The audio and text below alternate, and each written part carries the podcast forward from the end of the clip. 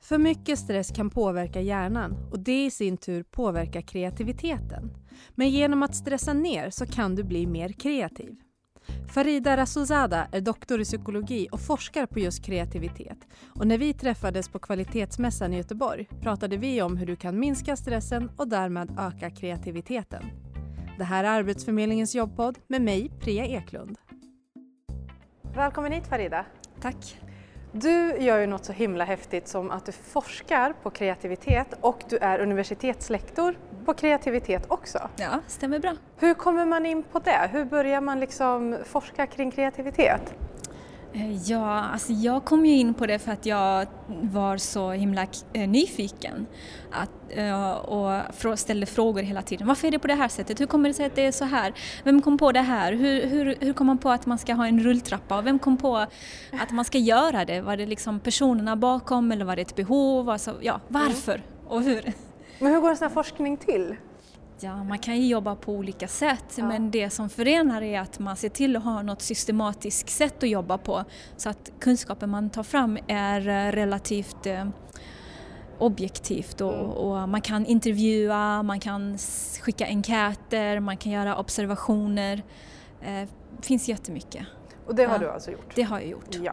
Och nu idag så är vi på Kvalitetsmässan och du har precis hållit en föreläsning om att men, minska stressen och öka kreativiteten. Mm. Och det tänkte jag vi ska prata lite mer om. Mm. På vilket sätt påverkar stress hjärnan? Och kreativiteten då? Ja, alltså stress i små mängder är inte så farligt och framförallt eh, om man får möjligheter till återhämtning. Men om det liksom eh, försiggår under en längre tid eh, så har det katastrofala följder. Eh, och pågår det under riktigt lång tid utan att man har möjligheter till att återhämta sig eh, så kan hjärnceller dö och eh, man kan bli mer immunsystemet sänks och man blir mer mottaglig för olika typer av sjukdomar och ens välmående minskar. Så det blir som en ond spiral att man, så börjar man tro mindre på sig själv och orka mindre och ja, det är liksom sakta men säkert så bryts individen ner. Okej, okay. och det sätter sig också då på kreativiteten såklart? Ja, ja, absolut. För det vi ser ju är att om man får möjlighet att vara kreativ så minska stressen. Så man kan faktiskt säga att kreativitet är ett sätt att eh, arbeta, eh, mm. ta itu med den här negativa stressen på. Mm.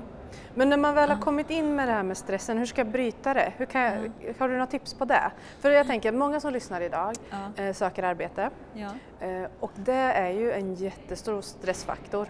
Eh, man mår väldigt dåligt mm. Och ja, men det är en stressfaktor. Du ska söka jobb, du ska försöka hitta jobb. Du, ja, men du kanske måste gå på massa intervjuer, du får nej och sen så blir det bara, det blir ju kaos och det blir ju en massa stress. Ja. Och då är det som du säger, man bryts ner mer och mer och mer. Hur kan jag liksom hindra det och hur kan jag liksom använda kreativiteten där? Mm.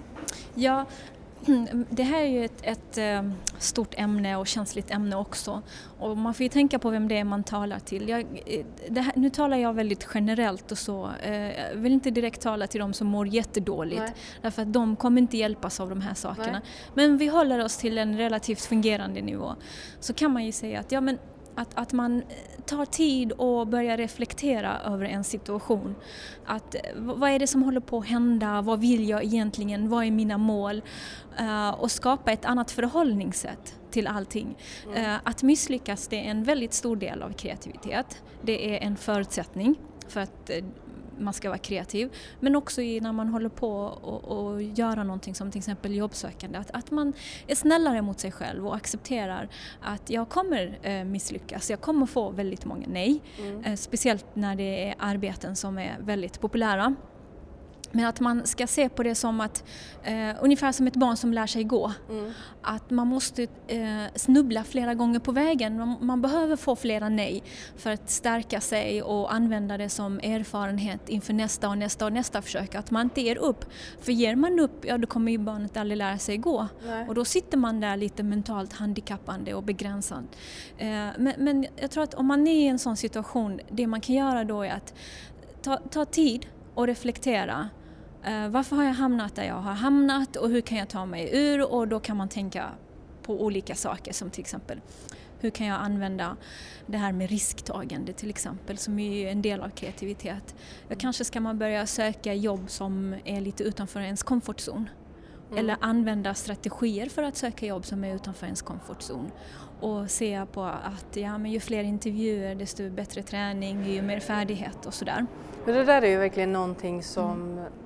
det du säger där är ju jätte, jättebra. Att, in, att ett misslyckande behöver inte vara dåligt alltid utan mm.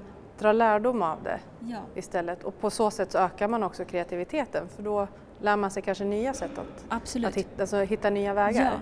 Och är det så att man själv upplever att man har gjort allt för mycket misslyckande så tycker jag eh, personligen att det är ett plus i den här processen. Mm. För vad man kan göra då är att skriva en CV av alla ens misslyckanden. Mm. Eh, och hade jag varit en arbetsgivare och sett, fått en sån CV så hade jag tänkt, åh vad modigt vad mycket den här personen har lärt sig. Mm. Uh, och inte bara att, att man har lärt sig mycket men också att, att den här pers personen är självmedveten och har insikt mm. och, och är mogen nog att kunna liksom se hur, ja, hur, hur, de, hur, hur och varför man har misslyckats.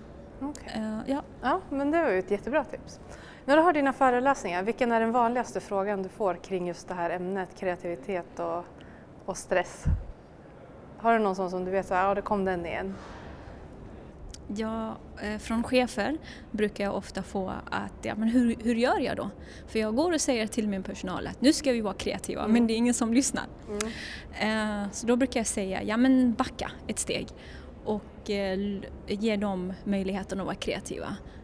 istället för att du själv ska komma på idéer och så. Mm. Utan ge dem stöd och resurser och säg inte bara att man ska vara kreativ utan ge dem också verktyg för det. Mm. Och det är lite så i den sökandes process också.